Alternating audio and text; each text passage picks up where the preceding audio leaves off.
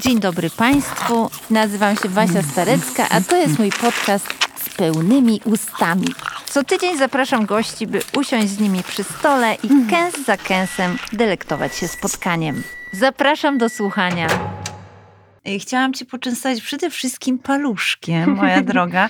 To są paluszki te takie naj, najbardziej sentymentalne, wydaje mi się, tradycyjne. Nie będziemy wymieniać marki y, firmy, ale z pewnością się jej Państwo domyślacie. Y, tak, to jest ta wersja z solą. Mm. Czy ty robiłaś w dzieciństwie coś takiego, że udawałeś, że palisz papierosa, smoktając paluszka? Przypomniałam sobie właśnie, że ja to często Nie wiem, czy tak robiłam w dzieciństwie, może w dorosłości bardziej. Ten, wiesz, gest taki... Mm, pamiętam, że mnie jakoś fascynowały kobiety z takimi cienkimi papierosami, które były nazywane damesami. Mhm. No tak, bo taki papieros w tej wersji, co ty pokazujesz, jest takim właśnie y, bardzo eleganckim, pociągającym papierosem. Tak, ale przypomniałam sobie, że mam jeszcze jednego paluszka. No, z gór.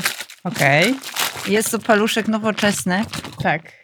Ponieważ zawiera on sezam, dorzucę mhm. go może do tego puchara wspaniałego tutaj. Powiem ci, że a propos paluszków, to jest taka właśnie y, przekąska. Y. Te, które ty wybrałaś, są na pewno satysfakcjonujące. Ja niestety mam tendencję, żeby właśnie wybierać jakieś alternatywne ze zdrowych mąk i, i z jakichś po prostu składników. I mam takie właśnie skojarzenie, że jak ja tak ochoczo i radośnie otwieram paczkę paluszków czy innych smaczków, no to cała rodzina, no widzę takie rozczarowanie na twarzach, że to właśnie nie jest ten klasyk, a to, co ty zaproponowałaś, jest takim właśnie satysfakcjonującym klasykiem. Jest taką ramotą też. Jeszcze spróbuję tego z, z sezamkiem. Mm, ten jest taki słodkawy. Tak, sezamkowe są słodkawe.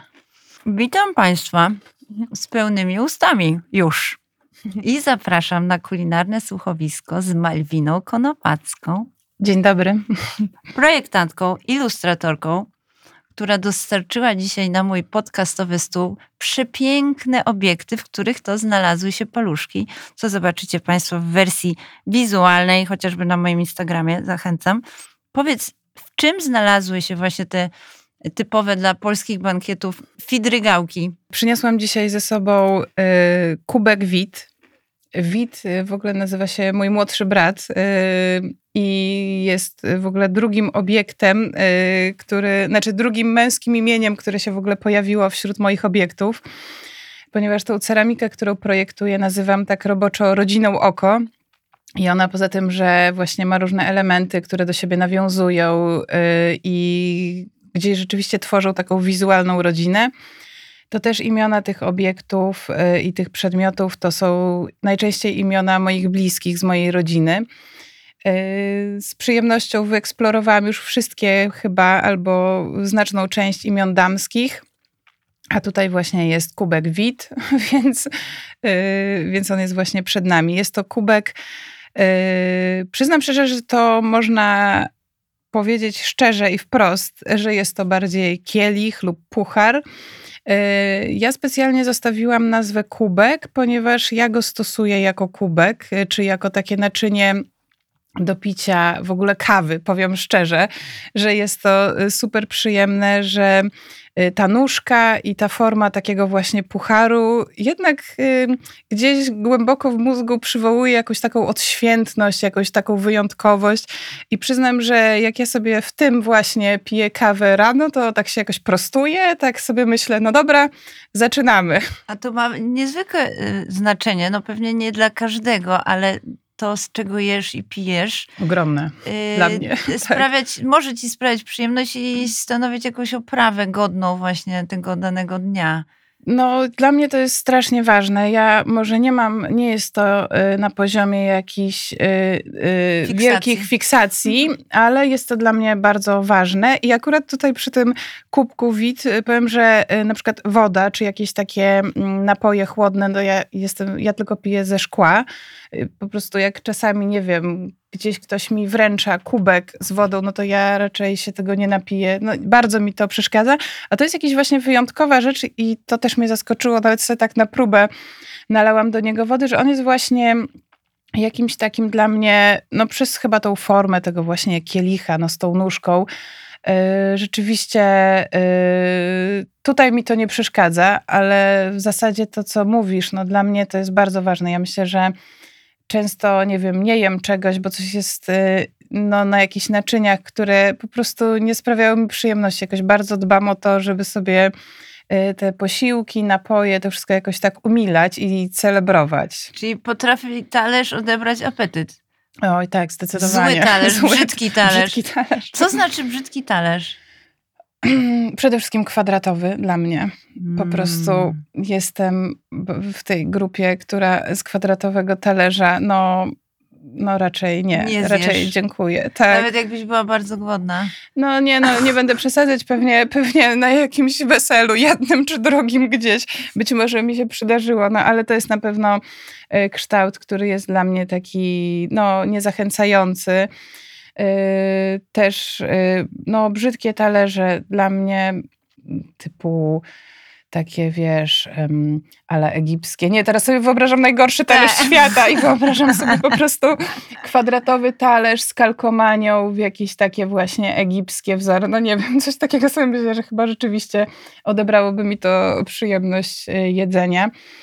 Kiedyś jeszcze, zanim w ogóle y, byłam blisko stołu i projektowania, gdzieś przeczytałam, ale to naprawdę chyba w dzieciństwie, y, że niebieski kolor odbiera apetyt i rzeczywiście tak sobie to zakodowałam, że w zasadzie tak empirycznie tego nawet już nie sprawdzam, bo wydaje mi się że rzeczywiście na niebieskim talerzu wszystko wydaje się Mm. nieapetyczne. To podobno jest jakiś patent, jeśli ktoś chce jeść mniej. O, widzisz. Niebieski talerz mówisz, bo ja oprócz tego, że dostarczyłam y, bankietowych paluszków na dzisiejszy jest podkaścik, to y, również przed nami znajduje się deser w takiej świątecznej czapie. Y, no bardzo przywodzi na myśl te wszystkie mikołajkowe klimaty, ale położyłam go na jakiejś takiej szarości, niebieskości lekkiej. Zastanawiam się, czy będziesz miała wobec tego ochotę wbić zęba w ten deser. Nie no, wygląda, wygląda apetycznie. To co, może spróbujemy? Jasne. Ja kiedyś miałam, słuchaj, o to może tobie będzie łatwiej, jeśli mogę cię poprosić, weź go urąb na pół może.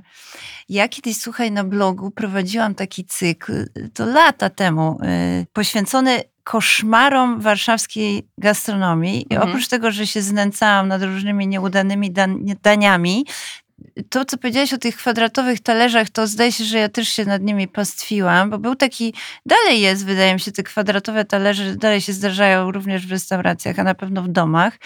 Y, Były takim mocnym punktem w historii designu w Polsce. Pamiętam też taką fascynację takimi nieoczywistymi talerzami. Była kiedyś taka moda, myślę, że mniej więcej w tym samym czasie się wydarzała co kwadratowy talerz, podawania różnych rzeczy na łupkach. Na Mhm. takich płytach nagrobnych, Mhm. na takich czarnych kawałkach z Aha, jakiejś okej. skałki, Mhm. jakieś, jakiegoś takiego Tak, e, twardego materiału. bo te talerze kwadratowe to mi się wydaje, że to lata 90., a ty już jesteś w 2000 Ja już, podejrzewam. prze- tak, ja już przeskoczyłam, być może masz rację, tak, dekadę. I to y, temu y, towarzyszyły jakieś bardzo trudne doznania zmysłowe, bo to piszczało pod, y, Mhm. właśnie pod nożem przy krojeniu. Nie było to najprzyjemniejsze. A jak Państwo podawali właśnie coś, co wymagało krojenia na tym łupku, no to już w ogóle było przyprawiające dreszcze. Oraz pamiętam potężną fascynację doniczkami, Mhm. w których to podawano na przykład frytki. Albo jakieś takie... Ach, takie metalowe doniczki, tak? Coś Metalo, ale były też Takie- ceramiczne, pamiętam, takie po prostu takie jak do roślinki masz yy, to Mhm. za na przykład. Ja nie jestem fanką frytek, więc mogła mnie to ominąć. Ominęły cię Mhm. doniczki z frytkami, no właśnie. Mhm. Ale tak, podzielam y, awersję do różnych form i kształtów. Nasze spotkanie dzisiaj poniekąd jest zainspirowane potrzebami i życzeniami, marzeniami moich słuchaczek Mhm. bo to właśnie panie, to właśnie matronki tego podcastu, które wspierają go finansowo poprzez serwis Patronite, zgłosiły taką potrzebę posłuchania rozmowy o polskim stole. No i przy takim polskim stole y, z nowymi y, obiektami na nim y, twojego autorstwa się spotykamy i o to cię chciałam podpytać, bo widzę jak y, z biegiem czasu, obserwuję twoją twórczość, do tego stołu się coraz bardziej zbliżasz. Wszystko się zaczęło, może nie wszystko, ale tak twoja obecność, obecność taka wyraźna, na pewno od wazonu Oko, który został przez ciebie zaprojektowany w 2014 roku. On tak, w 2014 miał już taką oficjalną, wystawową premierę, y, na targach w Tokio. A czy to nie ty jechałaś na te targi wtedy też? Nie, Nie, niestety. jakoś może mi się coś y, już Nie mi miałam tak- wtedy oka na oko, ale widzę właśnie, że, że oko obrasta rodziną, tak jak powiedziałaś, y, żeńską, męską, y, coraz więcej przyległości i coraz bliżej właśnie mu do jedzenia. Pojawiają się zastawy, chociażby ta zaprojektowana zastawa obiadowa z, z Dawidem Podsiadło.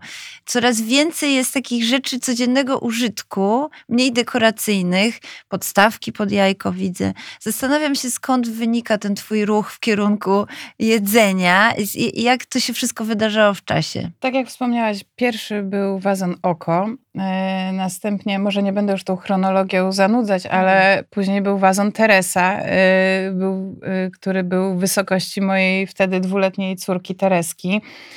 E, Powstawały kolejne wazony, e, wazon Miki, Nana i rzeczywiście to były mm, duże obiekty i e, ja też byłam tym jakoś bardzo za, zainteresowana, żeby robić duże obiekty, ponieważ jeszcze wtedy łączyłam trochę ceramikę z ilustracją, więc dla mnie im większy obiekt, tym większa powierzchnia do namalowania, Mm. do zrobienia jakichś wzorów.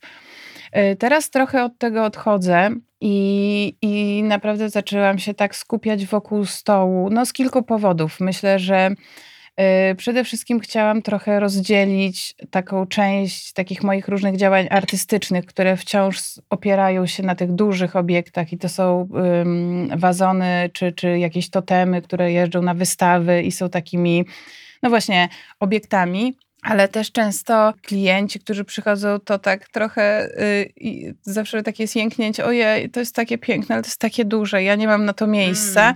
I przyznam, że też chciałam wykonać taki ruch, żeby zrobić obiekty czy, czy przedmioty, które będą, które się zmieszczą y, w każdym, nawet, nawet mniejszym domu. y, I chciałam taką sprawić, przyznam, przyjemność, taki ukłon w stronę, w stronę y, coraz większej, powiedzmy, rzeszy fanów, można powiedzieć, tej Twórczości. mojej ceramiki. I to był taki pierwszy krok. Y, Stół sam w sobie też mnie bardzo interesuje. To, są, to, jest, taki, to jest taka przestrzeń, y, w które, przy której się spotykamy z rodziną. Jakby dla nas jakby cały dzień jest jakimś pędem, ale zawsze taka wieczorna obiadokolacja jest takim y, wspólnym posiłkiem. I tak zwróciłam uwagę, że po prostu pewnych naczyń mi brakuje, żeby w jakiś tam sposób no, y, prosty, ale, ale estetyczny takie, takie y, posiłki podawać. No i stąd się właśnie zaczęły pojawiać kolejne, kolejne obiekty. Kubek Ucho, którego premiera właśnie była związana z premierą, to co wspomniałaś, y, z projektem z Dawidem Podsiadło. E, Pomyślałam, że to jest ten moment, kiedy ucho wybrzmi y, najlepiej przy tej muzycznej kolekcji. Y, Są patery, są y, już teraz właśnie kub, kubek, patera y, w zestawach z talerzami, z podstawkami na jajka, czystym kubkiem wit. Ja myślę, że to już jest taka ilość obiektów i w takich kolorach, że można rzeczywiście z tych samych przedmiotów zrobić albo super kolorowy stół, który tak trochę, mm, no nie jest takim komplecikiem, no, albo można też wybrać, nie wiem, jakąś wersję monokolor i wtedy zrobić taki dosyć subtelny, minimalistyczny, y, mini, mi- minimalistyczną taką jakby y, zastawę, więc y, no mnie to fascynuje, taka plastyczność tych obiektów, że to zostawiam trochę y, trochę taką inwencję kupującym, że właśnie można połączyć w coś takiego bardzo wyrazistego, a można też jakby bazując na tych samych przedmiotach y, uzyskać taki super delikatny efekt. Jeśli mój podcast wpadł Ci do ucha, to zachęcam, by dać temu wyraz. Na przykład ocenić podcast na 5 gwiazdek w serwisie Spotify lub zostawić komentarz na Apple Podcasts. Możesz także pomóc mi go rozwijać. Dziękuję wszystkim, którzy już zdecydowali się to zrobić, czyli wesprzeć mój podcast na Patronite. Szukasz przepisów, rekomendacji i pomysłów, jak delektować się życiem z pełnymi ustami? Zajrzyj na moje profile społecznościowe. Nakarmiona Starecka to Instagram, Facebook i blog. Wszędzie tam znajdziesz jeszcze więcej przyjemności. W trakcie twojej pięknej opowieści Skubnęłaś? ja tutaj zrobiłam małą demolkę w deserze. Mhm. Mm, W środku tego ptysia znajduje się taki krem mm, ciasteczkowy, Mhm. ale też przełamany jakąś konfiturą. Podgryzam również paluszki i patrzę na y, Wita, Mhm. na ten piękny puchar, który jest różowo, w takich delikatnych różach przełamanych czerwienią. Na stole są również tutaj barowe, znane na, pe- na pewno Państwu kubeczki, z których pijemy, popijamy herbatkę. I patrzę na te wszystkie kształty tutaj i sobie myślę, że w polskim wzornictwie mamy sporo takich ikon, takich symboli, y, które gdzieś funkcjonują przez dekady, są powielane, interpretowane. Ciekawa jestem przyszłych interpretacji wazonu oko, bo y, no, jest on już nazywany symbolem y, polskiego designu XXI wieku. Myślę, że przetrwa dekady z sukcesem. I niemniej o te etapy w polskim wzornictwie właśnie chciałam cię podpytać. Y, Co takiego jest w polskim designie, co wydaje się unikatowe na skalę światową? Czy my mamy jakiś swój styl, który trwa, nie zmienia się od lat? Czy jest coś takiego, co nas wyróżnia? Tak teraz myślę, czy tak bardziej się skoncentrować na tym, co jest dziś, czy... Mhm. czy, czy, Może czy, czy, czy zajrzyjmy do, do przyszłości na chwilę, zanurkujmy, bo y, myślę o chociażby no, o, o tym specyficznym czasie PRL-u, który był jakimś takim czasem totalnego kryzysu, biedy, niedoboru. Tymczasem we wzornictwie działo się No bardzo tak, dużo. No właśnie, tak, też chciałam nawet od tego zacząć, bo oczywiście klasyczne serwisy porcelanowe i, i wszystkie wcześniejsze, no to są takie powiedzmy klasyki. Tutaj ja nie, chyba nie umiała do końca jakoś rozróżnić tego w kontekście reszty świata. No to po prostu były pewne y, trendy, czy, czy w Miśni, czy w Rosenthalu, no to były po prostu y, dekoracyjne, znaczy porcelanowe, delikatnie zdobione obiekty, ale ja myślę, że w ogóle art deco w Polsce, następnie y, to, z czego się tak naprawdę trochę te lata 50., 60. wywodziły z, z ugraficznienia y, spojrzenia na wzornictwo. I myślę, że lata y, 60. czy 70., które zresztą teraz y, są bardzo na topie, y, no to są, mm, bardzo się wyróżniają. No i i kolorystycznie, i jakby wielością wzorów. To są rzeczywiście takie obiekty, y, które na aukcjach y, pojawiają się i znikają. W ogóle we wzornictwie w, w tych czasach PRL-u niby właśnie taka bieda do, dookoła, ale jeśli chodzi o, o projektantów, czy współpracujących z Ćmielowem, czy, y, czy z Włocławkiem, no to były takie wybitne nazwiska, które rzeczywiście no, wprowadziły taki kanon y, naczyń stołowych, y, no takich bardzo, bardzo polskich, ale bardzo też nowoczesnych. Mhm.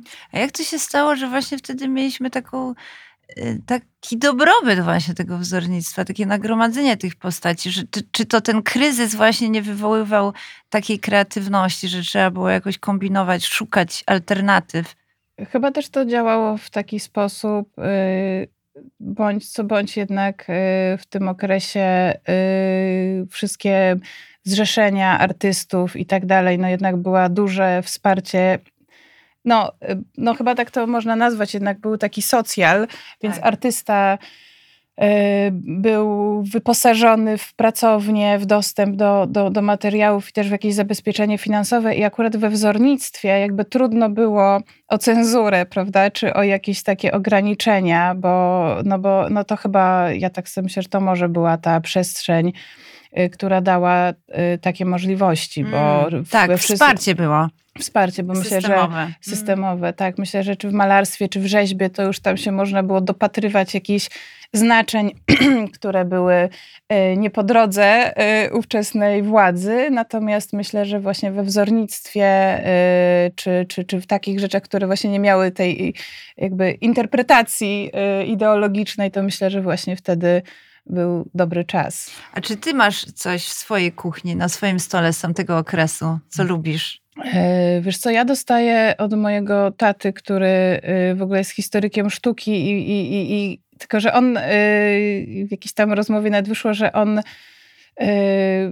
dla niego fascynujące są rzeczy tak do lat 50., już te 60. chyba są dla niego za bliskie, w sensie no on po prostu się wychowywał, jak te przedmioty były wokół nas i to też jest w ogóle bardzo takie, no to jest takie ciekawe zjawisko, ale to tak się po prostu dzieje, że pewne rzeczy muszą się trochę odestać. Y, i nawet jak ten początek, nasz ta rozmowa o tych talerzach kwadratowych, nawet sobie zaczęłam myśleć, kiedy przyjdzie ich czas, wiesz, że Wielki bardzo... comeback. Tak, tak, wiesz, że bardzo prawdopodobne, y, że za y, dekadę być może, no nie wiem, y, one rzeczywiście nagle staną się y, takim y, sentymentalnym wspomnieniem już jakiejś odległej przeszłości, a nie wyrazem takiego... A od czego to zależy? Czy to jest kwestia jakiejś konkretnej liczby lat, że wiadomo, wydaje, że że po tak. 20 Mi się latach wydaje, to wróci? że tak jest. Znaczy poza tym, że te trendy y, się powtarzają co powiedzmy dekadę, ale tak y, myślę, że takie y, tak klasykiem się staje coś, co rzeczywiście o, o, jest, istnieje już no, kilka dekad i, i, i właśnie mm, po pierwsze tych rzeczy jest wtedy coraz mniej, bo siłą rzeczy się tłuką, znikają, więc są bardziej takie pożądane. Y, No i też muszą chwilę odczekać. Wiesz, o czym sobie teraz pomyślałam? Jest 2001 rok chyba, robię porządki w kuchni babci i wyrzucam, wynoszę na mhm, śmietnik mhm. całą kolekcję Włocławków, które Mhm. wisiały na ścianie i których szczerze nie znosiłam. Pamiętam, tam Tak. był jakiś jeden wściekły kogut na talerzu, Tak. który mnie trochę straszył, jak byłam małą dziewczynką i z przyjemnością, z wielką satysfakcją je wyniosłam. Ktoś sobie wziął te talerze, to, na, Tak. to bez wątpienia. To też taki bardzo charakterystyczny był y, wystrój wnętrz w tamtym okresie, wieszało się te talerze i powiem ci, że ja po latach tak strasznie tego żałuję. Tak bardzo bym chciała Znajdziemy zobaczyć. ci te talerze. Tak bym bardzo chciała zobaczyć tego wściekłego koguta znowu. Poszukuję go od Mhm, paru lat na mhm. różnych aukcjach No i właśnie. skupuję, odtwarzam tą kolekcję tych Włocławków. I myślę właśnie o, o tym, co powiedziałaś, że potrzebne są po prostu y, jakieś lata, jakaś odległość, jakiś dystans, żeby te rzeczy które były jakieś takie opatrzone, stały się znowu cenne. Myślę też o tym, co się źle starzeje, bo są jednak takie rzeczy z przyszłości, do których nie mamy ochoty wracać.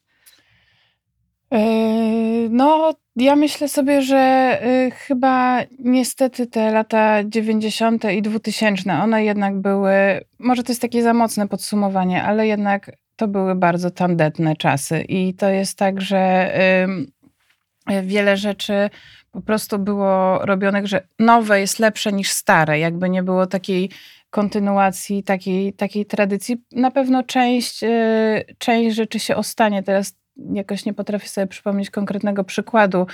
No Był ja na przykład... Zachwyt, pamiętasz, przepraszam, ci przerwę, ale um, umknie mi, bo to już nie ten młody umysł. Y, Był zachwyt tymi kolekcjami takich y, odpornych na tłuczenie się talerzy. O, dokładnie. Tak, to jest takie świństwo. w takim mogę. kolorze lekko brunatnym, Tak. ale wiesz, że to wraca? Wraca szpan na te To sz- może szkiełka. wrócić. Tak, tak, tak. Znaczy, mm, teraz mi znowu umknęło, ale cóż. Bo, myślę, y, zagłuszyłam po prostu twoją refleksję, bardzo ci przepraszam, ale y, myślę, wiesz, też o tych wszystkich rzeczach z przyszłości, czy na pewno są tam, y, zastanawiam się właśnie, na pewno są tam jakieś ikony, w które warto wręcz inwestować, czy w ogóle Mhm. rzeczy, które lądują na naszym stole mają taką wartość kolekcjonerską, warto wydawać jakieś konkretne pieniądze na, na takie obiekty?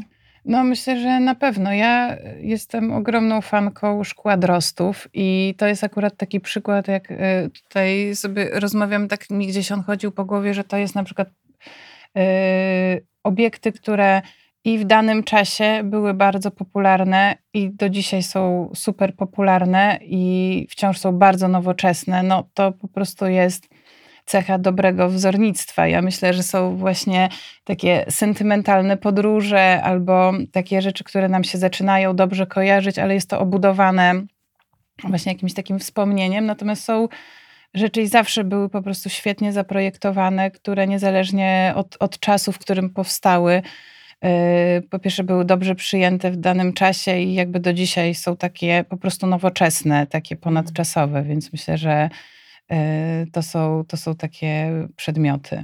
Wymieniłaś y, jedną markę, którą możemy Państwu tu polecić, ale jeszcze masz coś. Tu projektant, para projektantów, tak, tak Dro, Dros, Drostowie. Ja lubię też y, takie, no właśnie tak, bo tak zaczęłam mówić y, o tych prezentach od, od mojego ojca. On natomiast właśnie przez to, że takim dla niego te lata 50., 60., potem jest taka długa, długa przerwa, jakby w jakiś, ale dostałam y, od niego trochę takich rzeczy, których nawet nie umiem wskazać y, do końca projektanta, ale to są takie rzeczy z lat 30. To były takie piękne, właśnie wchodziło już to art deco, takie uproszczone, malowane takim aerografem w jakieś takie bardzo proste, proste, delikatne wzory, więc to są takie rzeczy, które myślę, że dla, nie wiem, laika mogą wyglądać jako, jak rzecz zupełnie współczesna, więc myślę, że to jest też taki kolejny przykład yy, wzornictwa, które jest takie ponadczasowe. Zawsze nowoczesne. Ja też sobie myślę, że to też jest nawet dla mnie wyzwanie i jako projektantki, no właśnie takim trochę trendom danego czasu nie ulegać. Po prostu są rzeczy, które są świetne w danym okresie, później ten czas to weryfikuje, y, więc y, ja staram się no tak z takimi stricte trendami nie działać, po prostu robić jakieś takie swoje rzeczy, bo, bo to jest taka, takie zagrożenie, że za kilka lat no po prostu taka moda jedna czy mhm. kolejna przeminie. No tak, to myślę, że Państwo też obserwujecie takie różne efemerydy, które przymykają dosłownie. Bardzo chwilę są na naszym stole i je szybko żegnamy. A jaki jest klucz wobec tego do projektowania takiego ponadczasowego? Y, czy jest sens czerpania z przyszłości? Trudne pytanie w sumie, bo y, ja rzeczywiście tą przeszłość y, trochę, trochę znam, no też studiowałam tą historię sztuki, więc jakby siłą rzeczy mam to gdzieś zakodowane pewnie w głowie w jakiś takim y, jakieś takie wizualne, y, wizualne y, obrazki, ale nie wiem, ja przy projektowaniu po pierwsze staram się zrobić coś, co no jakoś sprawia mi przyjemność sam pomysł, że coś takiego się pojawia na stole, coś, coś, coś na przykład nie, nieoczywistego, ale też, y, nie wiem, myślę też o tym, żeby to po prostu było wygodne, przyjemne w dotyku, żeby jakby kilka jakby warstw było y, w tym jednym obiekcie. Nie jestem fanką takich mm, super smart projektów, y, gdzie kubek, jak odwrócisz do góry nogami, to jest świecznikiem, a jeszcze mm. jak położysz klapkę, to jest tam czymś tam. To takich rzeczy niespecjalnie lubię. Myślę, że trochę im prościej, tym lepiej, ale tak prosto w punkt. To mi się wydaje, że to chyba jest taka cecha e, takiego rzeczywiście ponadczasowego e, hmm. wzornictwa. No, masz bardzo charakterystyczny styl. Powiedziałabym, że właśnie dokładnie taki esencjonalny tego słowa bym użyła, bo te, te obłości charakterystyczne i ta, ten skrót, kondensacja są dla ciebie bardzo typowe. Tak jest też czasami to te projekty się biorą z tego, że nie wiem, jest w tej rodzinie oko y, taki element precel i on jest po prostu bardzo przyjemny do trzymania. I to się tak naprawdę, ten kubek ucho powstał z tej prostej przyczyny, że y, pomyślałam, że to jest bardzo przyjemne trzymać to w dłoni, no tylko, że tak trudno po prostu bez sensu chodzić z preclem w ręku, więc oczywiście trochę upraszczam, mm. więc dodałam do niego, y, do niego kubek, więc y, no to często są takie decyzje, że jakby takie pełne doświadczenie i wizualne, i też takie sensualne, że to się gdzieś wszystko łączy jakby w jednym, w jednym no, raczej prostym obiekcie. I te kolory również są takie esencjonalne, bo ty się nie bawisz w jakieś, yy, jakby to powiedzieć, yy, rozmyte odcienie, tylko one są bardzo intensywne zawsze. Masz swoją gamę kolorystyczną. Tak, rzeczywiście te kolory są bardzo, bardzo mocne, chociaż muszę przyznać się szczerze, że mój ulubiony kubek jest biały. to, jest, to jest taka zdrada. Nie, ale rzeczywiście ja te kolory bardzo lubię i ja też myślę, że często te, te, te obiekty są takim, no no tak jak ten kubek, no takim ulubionym kubkiem, więc on jest super czerwony, albo super żółty, albo jakiś taki rzeczywiście wyraźny. Yy, I, ale wiem, że jest to trochę mm, tak pod kątem użytkowym, no nie każdy chciałby mieć 10 y, kolorów na stole. Ja na przykład to lubię i tak jak właśnie szykuję jakiś posiłek czy, czy coś takiego, każdy ma jakby inny kolor talerza inny kolor kubka, do tego jest w jakimś tam jeszcze kolorze patera, więc się rzeczywiście robi tak bardzo kolorowo. Ja, ja to lubię, mi to sprawia przyjemność, ale nie wszyscy to lubią. Na różowej paterze pomara pomarańczowe, nie wiem, chociażby mandarynki. To jest coś takiego, że to naprawdę jest jakaś koloroterapia. Na to się można patrzeć i się robi lepiej, w każdym razie mi, więc to są takie, trochę takie podrzucam tego typu jakby pomysły, no, no, właśnie do jakichś pater używając konkretnych kolorów, że wyobrażam sobie, że wszystkie, nie wiem, owoce czy cytrusy w połączeniu z tym kolorem dadzą jeszcze jakby takie, jeszcze jakąś taką większą przyjemność. No więc tak trochę o tym myślę. Ale powiedziałeś, że nie każdy to lubi. Y, czy ty się zastanawiasz czasami, jak wygląda właśnie ten polski stół? Obserwujesz gusta, co my kładziemy, z czego jadamy? Wiesz, teraz y, trochę można zaglądać na różne stoły. Przez Instagrama można naprawdę y, zajrzeć do bardzo, bardzo wielu wnętrz. To jest myślę, że też w ogóle bardzo ciekawe. Więc ja często widzę stoły, na których są na przykład te moje rzeczy, i, I tutaj widzę głównie takie rzeczywiście insta-friendly, po prostu jakieś seciki, chociaż też jest tak, że te rzeczy, no tak jak nawet tutaj dzisiaj, y, trochę były przypadkiem, Zupełnie. a nagle się wszystko pięknie zgrało, więc to są takie jakby sytuacje, rzeczywiście wszystko się no pięknie, pięknie dobiera. Myślę, że ludzie jakoś tak odważnie podchodzą do, do stołu y, i, i, i tak widzę, czy obserwuję, że właśnie szukają jakichś niestandardowych naczyń, jakichś takich, y, tworzył jakieś kompozycje. Jest też jakby duża oferta, można od tkanin poprzez właśnie naczynia y, stworzyć dokładnie taki stół, y, na jaki się ma ochotę, nie wiem, dodając jakieś elementy. Więc ja myślę, że chyba ten polski stół teraz, dzisiaj, mam wrażenie, że jest bardzo, bardzo różnorodny. A jeśli są takie tradycyjne elementy, to, to też chyba są często przełamane w jakiś taki nowoczesny sposób. Ja nie wiem, takie mam wyobrażenie w każdym mhm. razie. I chyba sporo jest tam polskich rzeczy, bo my rzeczywiście tą tradycję y, ceramiczno-porcelanową tak. mamy dosyć solidną. Y, no przede wszystkim sta, stała Polska różnymi zakładami, które niestety odchodzą. Tak, ja nawet, y, ja nawet wspomnę, powiedzieć porcelanowa, jest sklep porcelanowa i to jest bardzo fajne miejsce, no poza oczywiście zakupami, y, to też myślę, że y, ja tak czasami odsyłam jakichś gości, y, jak to się mówi, gości z zagranicy, którzy chcą właśnie, nie wiem, poznać polskie wzornictwo. Myślę, że to jest bardzo fajne miejsce, bo tam jest i bardziej tradycyjna i zupełnie współczesna, jakaś eksperymentalna ceramika i szkło polskie. I tam jak się zajrzy, to można sobie właśnie mniej więcej wyobrazić, no właśnie ten polski stół. Mm. A powiedz, co, czy ty patrzysz w stronę właśnie tych zakładów różnych, które no, słynne były na całą Polskę i jakoś niekoniecznie radzą sobie, radziły w ostatnich latach. No tak, z łezką wokół pożegnałam y, Krzysztofa, tak, w zeszłym roku, czy to było w tym roku?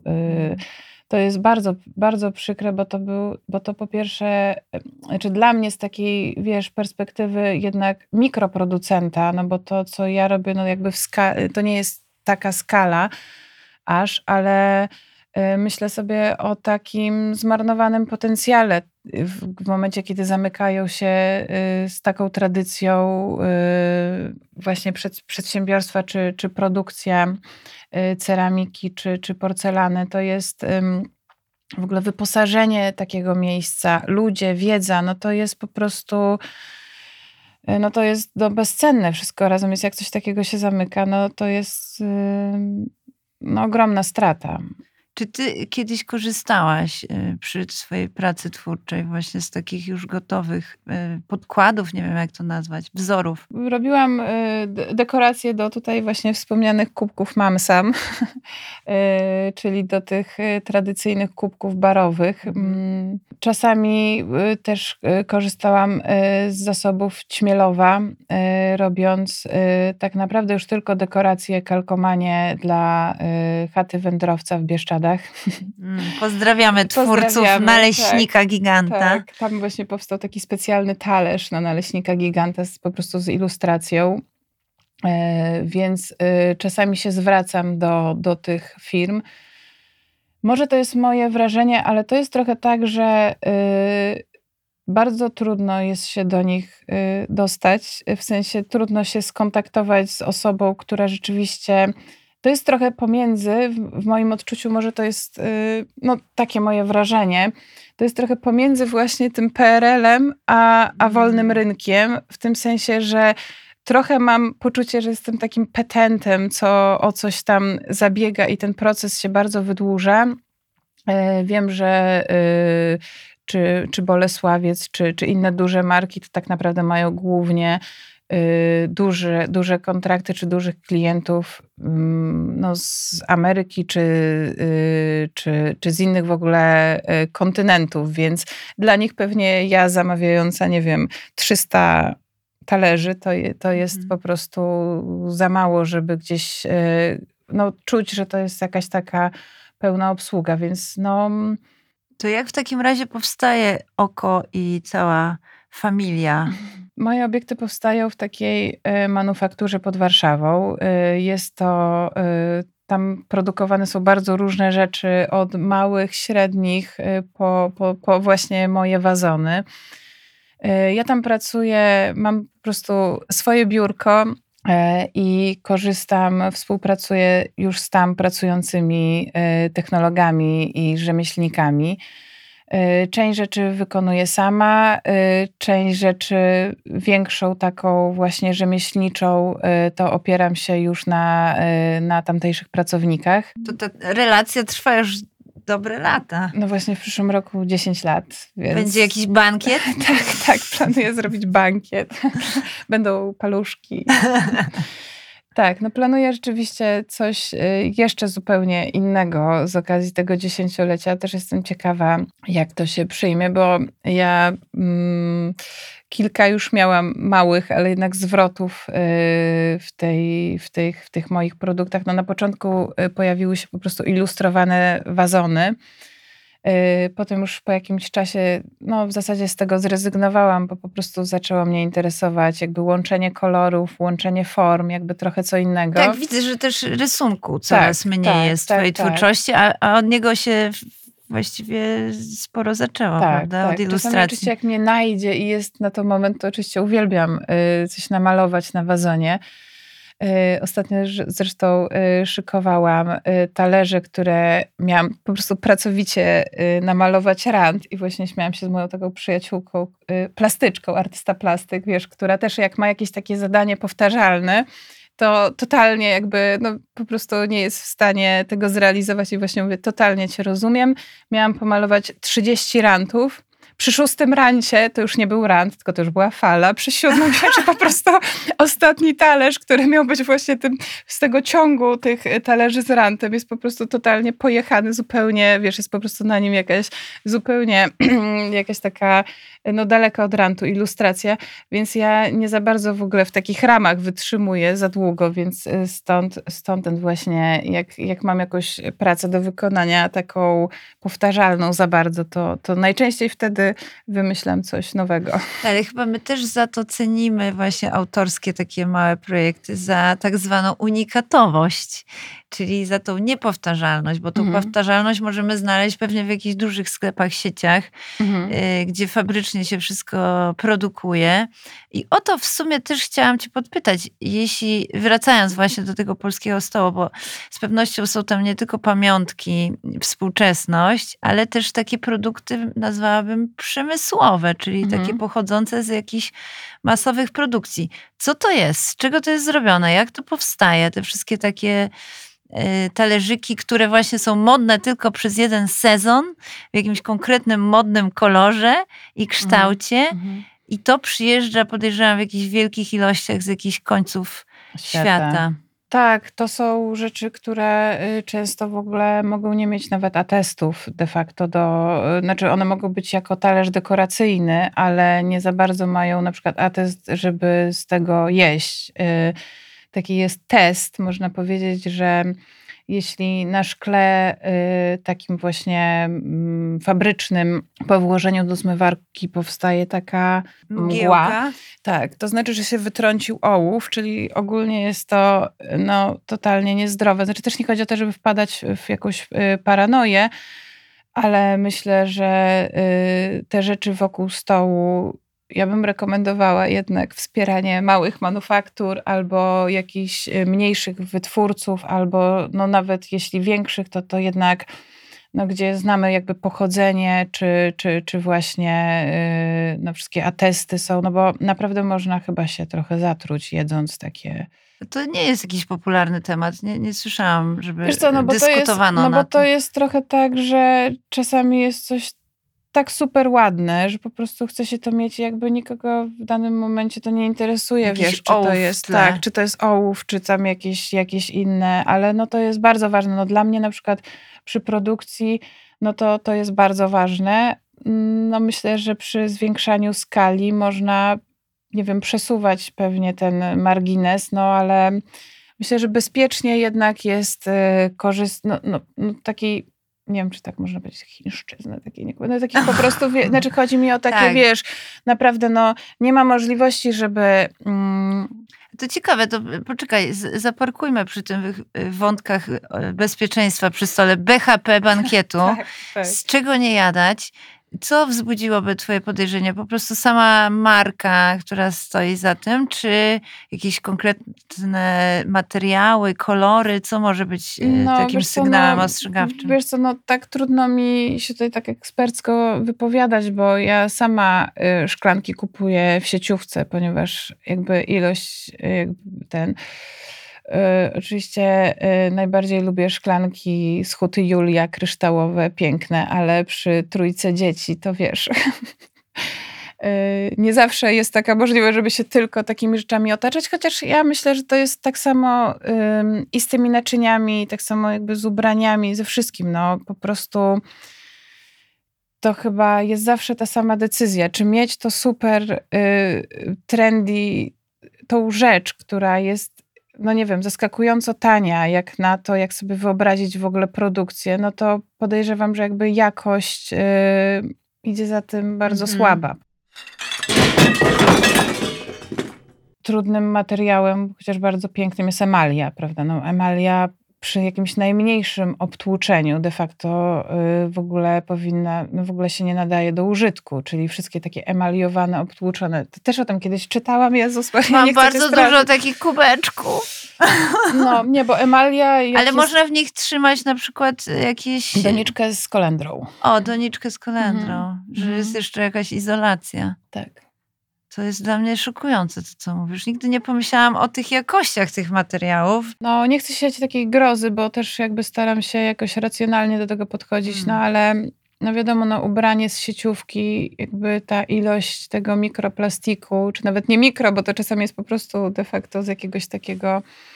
To samo jest y, w tych y, ceramicznych rzeczach. No, one tak naprawdę w składzie się znacznie różnią od, nie wiem, no, tak zwanej ceramiki szlachetnej, tak? czy od takiej ceramiki y, produkowanej, nie wiem, czy w Bolesławcu, czy, czy kiedyś te Włocławki, czy, czy no nawet teraz ta ceramika, którą ja robię, którą, z której na której bazują wszystkie takie y, mniejsze polskie pracownie, no to jest zupełnie co innego niż taki y, piękny wa- wazonik z jakiejś sieciówki. No, on po Mm. prostu ma zupełnie inny skład. A czy ty czasami bywasz kuszona jakimś tańszym materiałem, na przykład No ja przy tej ceramice y, nie, nie trafiam, bo też jestem podporządkowana jakby takiej produkcji, która ma miejsce w, w, tej, w tej pracowni, gdzie ja to, y, gdzie ja to wytwarzam. Y, No, sama produkcja jest bardzo rzeczywiście droga i te wszystkie materiały to są rzeczywiście bardzo, bardzo drogie rzeczy, no ale też mam takie poczucie, że no są po pierwsze bezpieczne, po drugie trwałe, możliwie, jak na, jak na ceramikę i tak dalej. No jakby spełniają y, takie wymogi mm, na wielu poziomach. Y, Więc mnie to nie, nie, nie, nie, nie nakusza póki co, ale mm, w ogóle to wokół stołu, co zaczęłam y, teraz robić, to jest taki trochę początek, bo chciałabym trochę rozdzielić właśnie te duże wazony, obiekty takie wystawowe od takiego, tak sobie to roboczo nazywam, oko design, czyli takie mniejsze rzeczy i tutaj się właśnie zastanawiam, jakby gdzie jest taka, taka granica, wiesz, na przykład skali albo Mhm. jakości, bo chciałabym tą jakość mieć Utrzymać. utrzymać, ale to jest totalnie jakby mm, trudne, albo jakby te ceny są wtedy dosyć wysokie. To też jest taki... Czy nie ma półśrodka? Czy tak, jaki jest półśrodek, albo mm, jakie decyzje można, y, wiesz, podjąć, żeby właśnie na koniec ten produkt był jakościowy, był, nie wiem, tańszy w produkcji. To też jest trochę tak, że y, ja jestem tak jedną nogą w sztuce, jedną w designie i to jest tak, że to są jakby dwie zupełnie inne jakości, bo to, co mówiłaś nawet wcześniej, że ta unikatowość, no to jest totalnie cecha sztuki, tak, że to jest no, ten jedyny obiekt, który trafia w nasze ręce. Natomiast i to dla artysty jest, myślę, no właśnie tą, no jakby tym celem. Natomiast dla mnie, jako takiej projektantki, to celem, no celem, no takim mm, celem jest właśnie zrobienie obiektu, który się spodoba wszystkim. Który, znaczy, oczywiście teraz jakby wiesz, przesadzam, ale jakby są zupełnie inne te cele i właśnie przy tym oko design mi się wydaje, że to jest fascynujące, że kubek ucho, który umówmy się, jest dziwny. Y, Podoba się, wiesz, tak wielu osobom trafia w tak różne miejsca i dla mnie jakby ilość jest taka w ogóle mm, zaskakująca, że, że jakby dobry design w każdym domu, już tak mówię, jak takie po prostu, wiesz, Jak slogany jak z czasów, slogany z PRL-u, dokładnie tak mnie których. Ale no więc to są dwie zupełnie inne drogi i właśnie przy tym oko design to mam takie jeszcze inne wyzwanie. No, po Mhm. prostu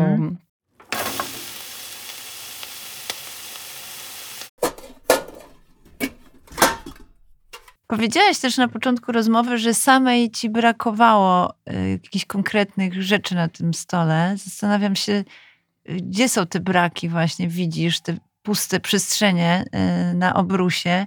No jest na przykład patera Aniela, która jest takim dużym talerzem z preclem.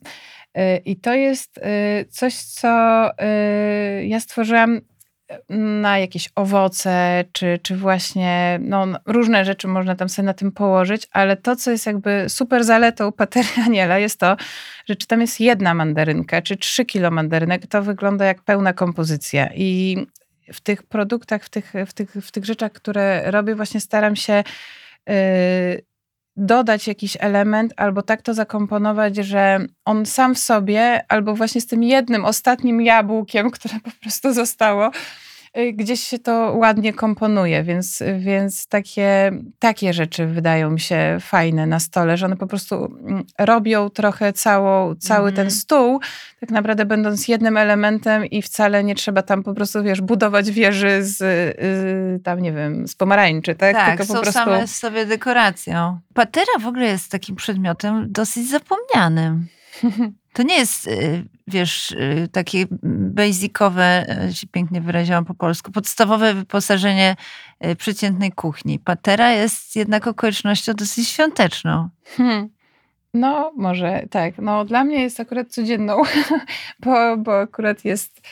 No, my po prostu też w domu, każdy z nas lubi co innego. Trochę dzielimy się na małe podgrupy, ale w zasadzie taka kolacja, y, czy właśnie ta obiadokolacja, czy ten główny wspólny posiłek musi być bardzo różnorodny, bo tam każdy ma jakieś swoje smaczki, więc y, dla mnie potrzebne są takie właśnie naczynia, na których mogę, wiesz, wyeksponować bardzo różne rzeczy i po prostu za jednym zamachem przestawić to z kuchni na stół. Yy, więc yy, mam piękną deskę do krojenia którą dostałam od Olka Oniszon. Jest e, takim rzemieślnikiem, e, e, stolarzem. No więc ta, takie rzeczy, wiesz, takie po prostu e, produkty, które pozwalają mi dać dużo różnych smaczków i każdy może sobie złapać to, na co ma ochotę. Czy są jakieś zasady komponowania stołu? Bo podejrzewam, że nie wszyscy no, mają takie talenta. Nie każdy miał wspaniałe źródła inspiracji, nie każdy się wychował na ilustracjach Szancera i być może poszukuje takich wskazówek przed Mhm. świętami szczególnie, no bo to będzie wyzwanie, zawsze jest co roku y, ułożenie tego stołu. Czego zacząć? Znaczy mi się wydaje, że... Przepis na udany tak, stół przepis poprosimy. na udany stół, dobrze. Znaczy ja myślę, że y, przepis na udany stół to bym chyba y, pod, pod, po- wsparła się przepisem na udane danie, czyli żeby jednak tych składników nie było za wiele. Y, Czyli żeby tych, y, znaczy tych kolorów, jeśli zaczynamy w ogóle jakąś taką zabawę y, z aranżacją stołu, to ja bym chyba jakoś się skupiła na jednym głównym elemencie, który jest, nie wiem, jakiś super kolorowy albo bardzo przykuwający uwagę. Chyba bym zaczęła od takiego, od takiego kroku. Myślę, że też jest tak, że no akurat łatwo mi się odnieść do tej mojej ceramiki, no bo te rzeczy są w różnych kolorach, ale są zrobione z tego samego materiału i są w tym samym kształcie, więc tak naprawdę jakiś musi być chyba wspólny mianownik Motyw przewodni. motyw przewodni, a później można oczywiście robić taki y, artystyczny nieład, ale wydaje mi się, że chyba łatwiej jest zacząć od y, albo właśnie jakiegoś jednego mocnego elementu, albo od jednego czy dwóch kolorów, które się pojawiają. Chyba bym takich, od, od takiego czegoś wyszła. To oprócz takich y, y, konsekwencji, że tak powiem, dekoracyjnych, estetycznych, to planowanie dekoracji stołu ma również, czy zastawy stołu, ma również takie konsekwencje, jak my przy tym stole się będziemy zachowywać i w jaki sposób jeść. Może być też pretekstem do otwierania jakichś relacji, rozmów przy stole. No bo jeśli każdy z nas dostanie swój talerz, no to omija już nas ten etap dzielenia się na przykład, Mhm. który może być pretekstem chociażby do rozmowy. Święta są taką sytuacją zbiorową, powiedzmy tak bardzo stereotypowo. I myślę, że to też jest taki moment w roku, kiedy można wyciągnąć te wszystkie skarby z dna kredensu i wyjąć te wszystkie ulubione półmiski.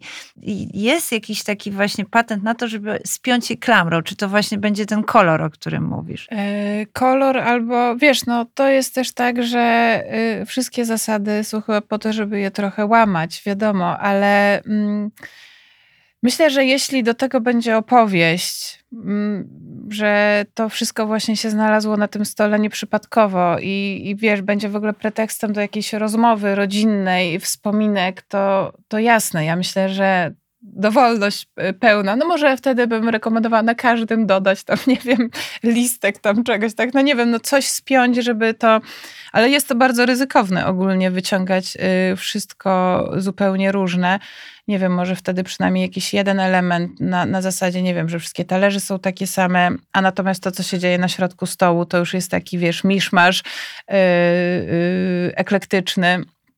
Jakoś, jakoś coś takiego, ale a propos tego dzielenia się, to muszę ci podzielić z tobą tylko taką anegdotką, bo właśnie jak mnie tutaj zaprosiłaś i to ciastko na pół, to a propos dzielenia się, chciałam ci powiedzieć, że e, pracowałam kiedyś e, z Zuzią Wrońską, z którą się zresztą przyjaźnimy do dzisiaj i tą przyjaźń e, tak żeśmy zadzierzgnęły, że chodziłyśmy e, do kawiarni i brałyśmy, wiesz, że tak nie, że dużo słodkiego, więc no na właśnie, pół, właśnie. ale brałyśmy dwa ciastka na pół. I to jest taki po prostu klasyk, wiesz, jak się można y, dzielić i, i, i to mi się tak skojarzyło. Ja bardzo lubię deserami się dzielić, bo właśnie Oczywiście, i bardzo jest- często jest to parę deserów, żeby móc więcej spróbować. Oczywiście, na dwa ciastka na pół, tak.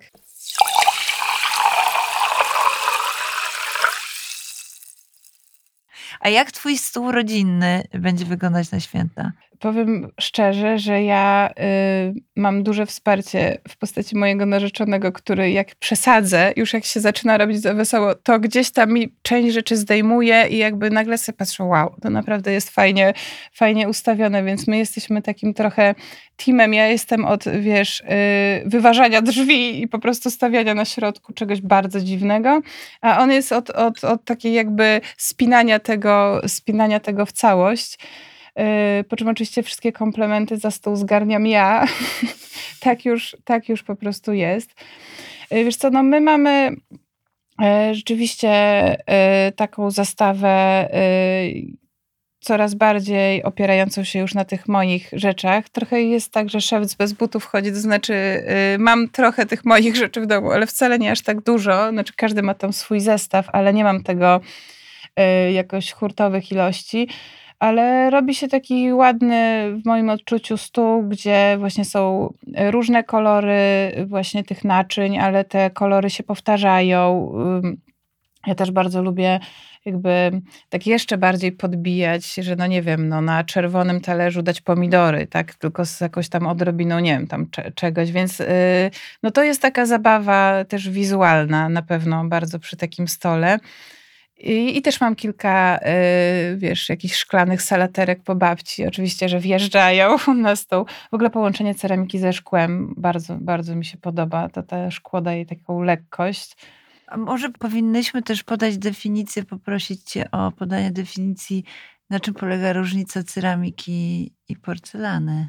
Bo tu wielokrotnie padały dwa te Tak, terminy. tak, bo po- porcelana y, jest wypalana w wyższej temperaturze, ale to już może bez takich szczegółów Tak. technicznych. Porcelana to jest to białe, takie cieniutkie, delikatne, porcelanowa filiżanka, to jest lekkie, często wręcz przezroczyste.